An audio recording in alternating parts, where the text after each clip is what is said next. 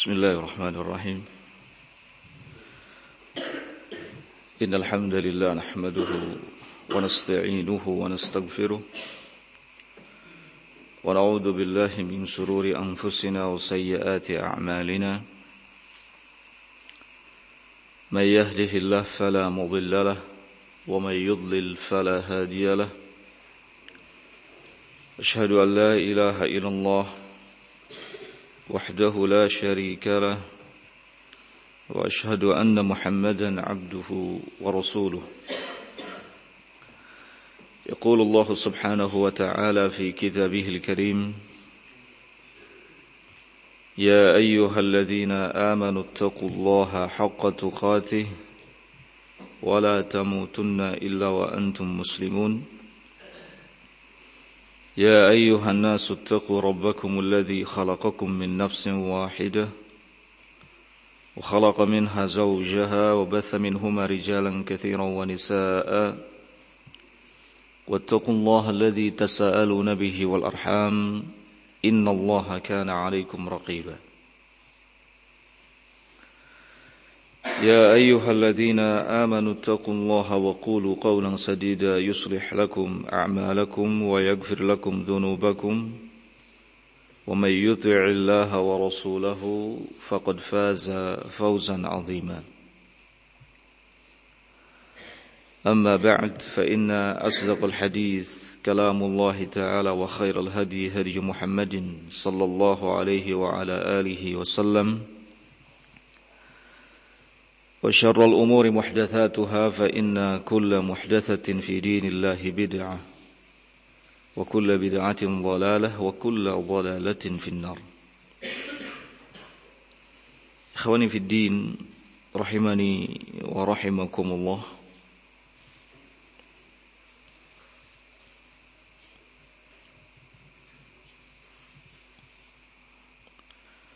الحمد لله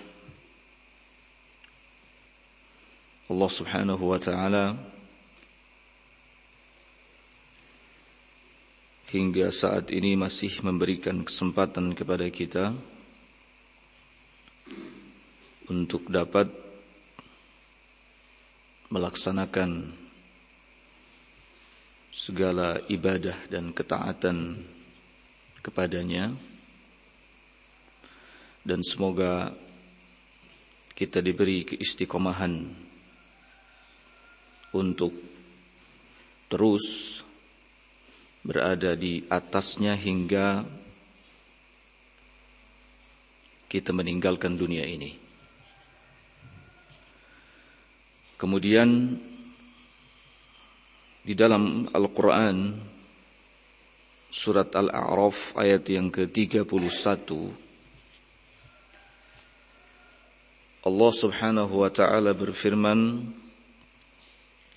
يا بني آدم خذوا زينتكم عند كل مسجد Wahai Bani Adam Pakailah pakaianmu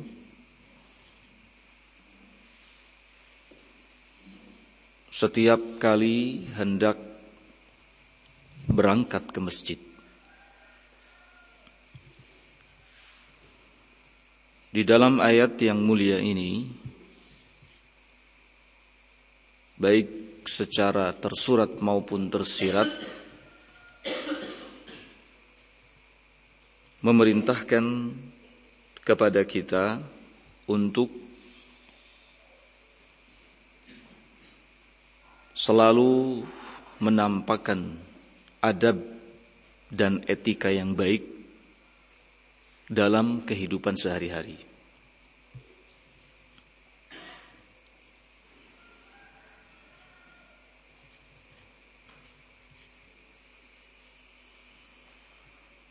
Dan semua persoalan yang menyangkut agama pada dasarnya adalah adab, adab dan etika yang baik.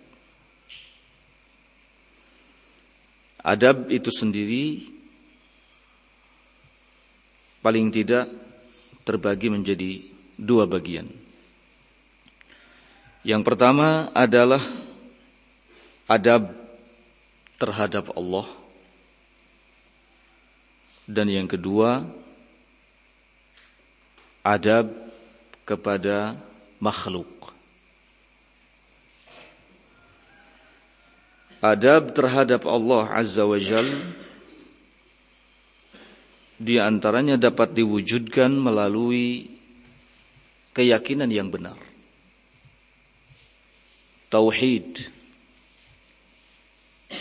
memurnikan ibadah hanya kepadanya saja dan menjauhi segala macam bentuk kesyirikan. Karena Allah Subhanahu wa taala telah menyatakan dalam firman-Nya, "Wa ma khalaqtul jinna wal insa illa liya'budun." Tidaklah aku ciptakan jin dan manusia melainkan agar mereka beribadah kepadaku dalam artian mentauhidkanku.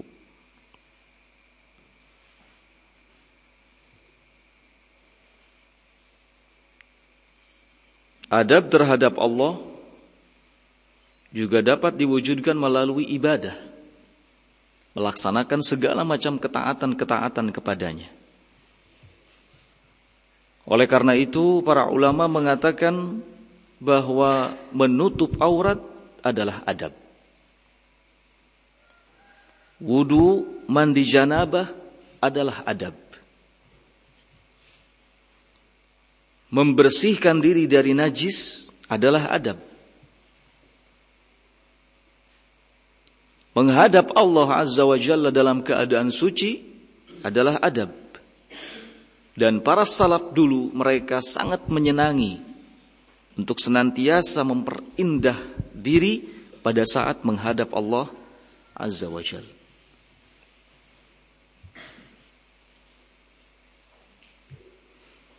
Ikhwan rahimani wa rahimakumullah. Adapun adab kepada makhluk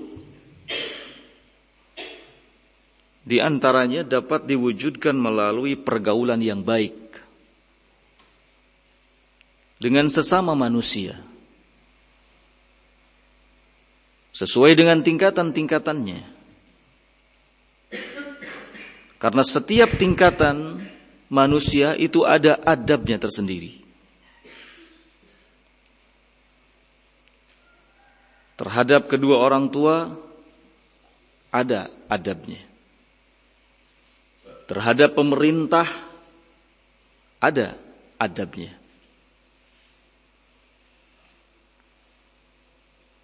Kepada teman ada adabnya. Kepada orang asing yang belum kita kenal ada adabnya. Kepada tamu ada adabnya. Dan setiap kehidupan yang kita lalui ada adabnya. Makan ada adabnya. Minum juga ada adabnya. Berkendaraan ada adabnya. Masuk ke suatu tempat ada adabnya. Keluar dari suatu tempat ada adabnya. Melakukan safar ada adabnya. Di saat mukim di satu tempat juga ada adabnya.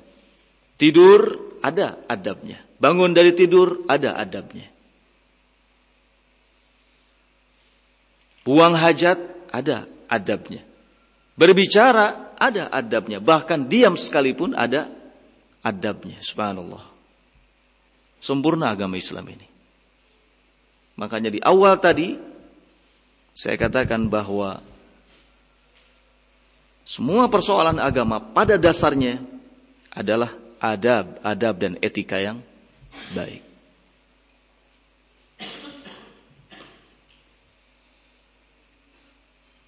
Para ulama mengatakan adabul mar'i unwanu sa'adatihi wa falahihi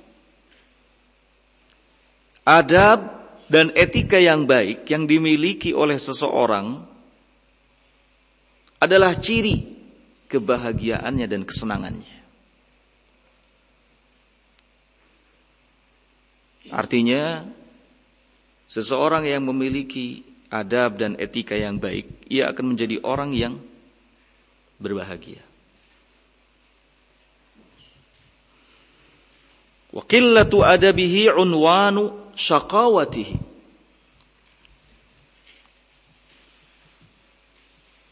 Dan jeleknya adab yang dimiliki oleh seseorang maka itu merupakan tanda kebinasaannya.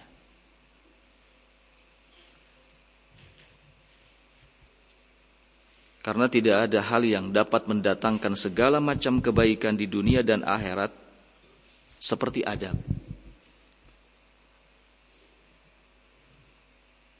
Dan tidak ada pula hal yang dapat mendatangkan keburukan baik di dunia dan akhirat seperti adab. Adab yang baik adalah salah satu sebab terbesar di mana akan datangnya segala macam kebaikan di dunia wal akhirah, di dunia dan akhirat. Sedangkan adab yang jelek, etika yang buruk, perilaku yang tidak terpuji adalah sebab datangnya segala keburukan. Di dunia wal akhirah, di dunia dan akhirat. Maka ikhwan fiddin rahimakumullah sangat wajar bila para salafus soleh kita begitu besar perhatiannya terhadap yang namanya adab. Di samping besarnya perhatian mereka terhadap din, terhadap ilmu syar'i.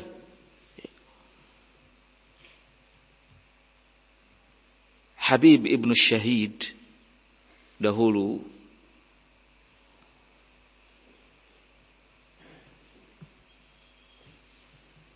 berkata kepada putranya, Ya bunaya atau ya bani,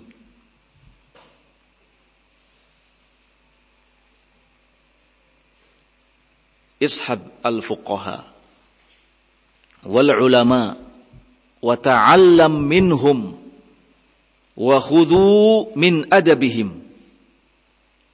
Fa inna dhalika ahabbu ilayya min kathirin min al hadith wahai putraku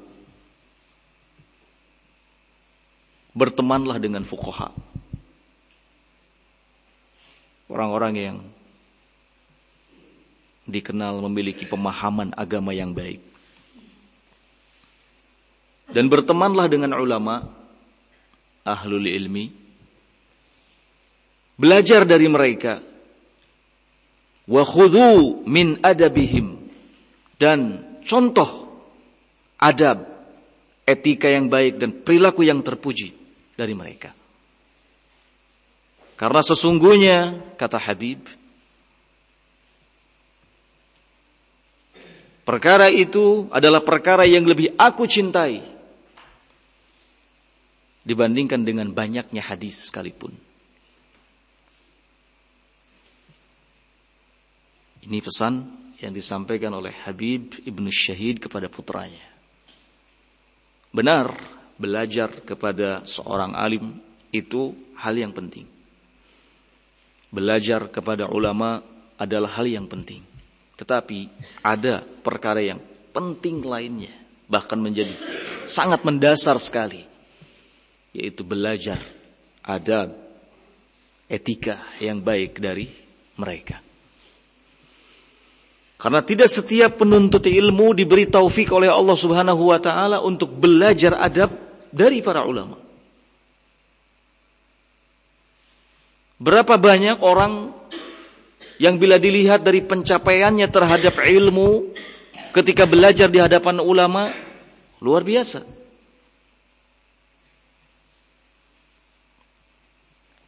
Tetapi tidak diberi taufik untuk bisa belajar adab dari para ulama. Sehingga tidak sinkron antara ilmu yang dimilikinya dengan adab dan etika yang ada pada dirinya. Ilmunya cukup baik, tetapi adabnya berantakan. Ya. Dan itu tidak cukup.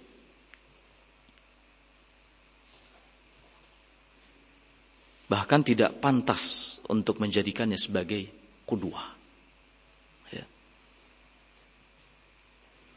Sebagian para salaf juga ada yang berkata kepada putranya, Ya bunayya, la anta ta'allama baban minal adabi ahabbu ilayya min anta ta'allama sab'ina baban min abwabil ilmi. Wahai putraku, engkau belajar satu bab tentang adab itu lebih aku sukai daripada engkau belajar 70 bab dari bab-bab tentang disiplin-disiplin ilmu. Meskipun ini tidak secara mutlak, karena ada ilmu yang boleh dikatakan lebih tinggi tingkatannya daripada adab seperti tauhid. Namun apa yang dikatakan oleh sebagian salaf kepada putranya ini memberikan gambaran kepada kita bahwa adab adalah hal yang tidak boleh dilupakan.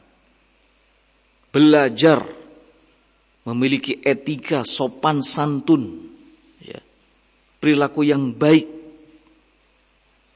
Ini hal yang penting.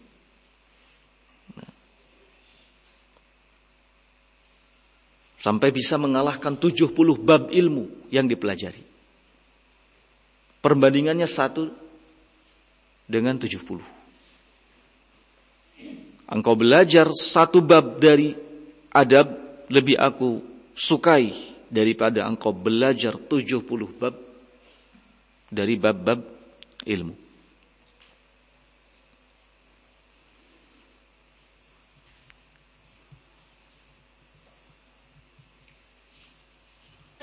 Kemudian Imam Makhlad bin Al-Husain berkata kepada Ibnu Mubarak Abdullah Ibnu Mubarak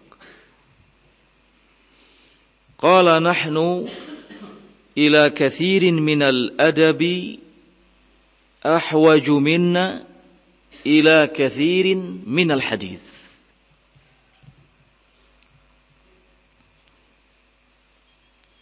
Kebutuhan kita kepada adab sesungguhnya jauh lebih besar dibandingkan dengan kebutuhan kita kepada hadis. Lihat ya. Bagaimana para ulama salaf betul-betul memberikan penekanan yang kuat.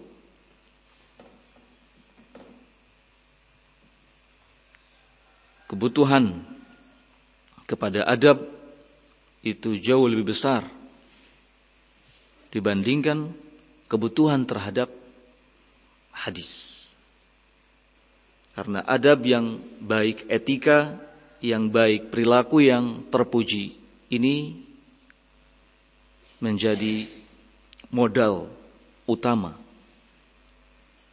bagi seseorang dalam ia mempelajari ilmunya dan dalam ia mengamalkan ilmunya dan di saat ia menyebarkan dan mendakwahkan ilmunya.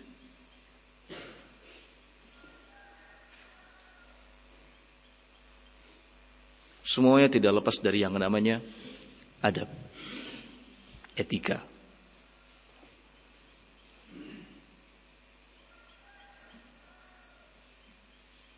Para salaf di samping mereka bersemangat dan bersungguh-sungguh melakukan ibadah ketaatan kepada Allah Subhanahu wa taala, mereka juga semangat dan bersungguh-sungguh untuk menampakkan adab yang baik dan perilaku yang terpuji.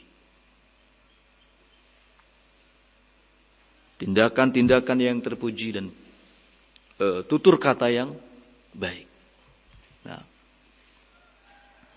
Bila para salaf saja perhatian dan kebutuhannya terhadap ada begitu besar, maka tentu kita lebih besar lagi kebutuhan kita terhadapnya. Karena tidak bisa dibandingkan antara kita dengan para salaf dalam segala hal yang menyangkut keutamaan.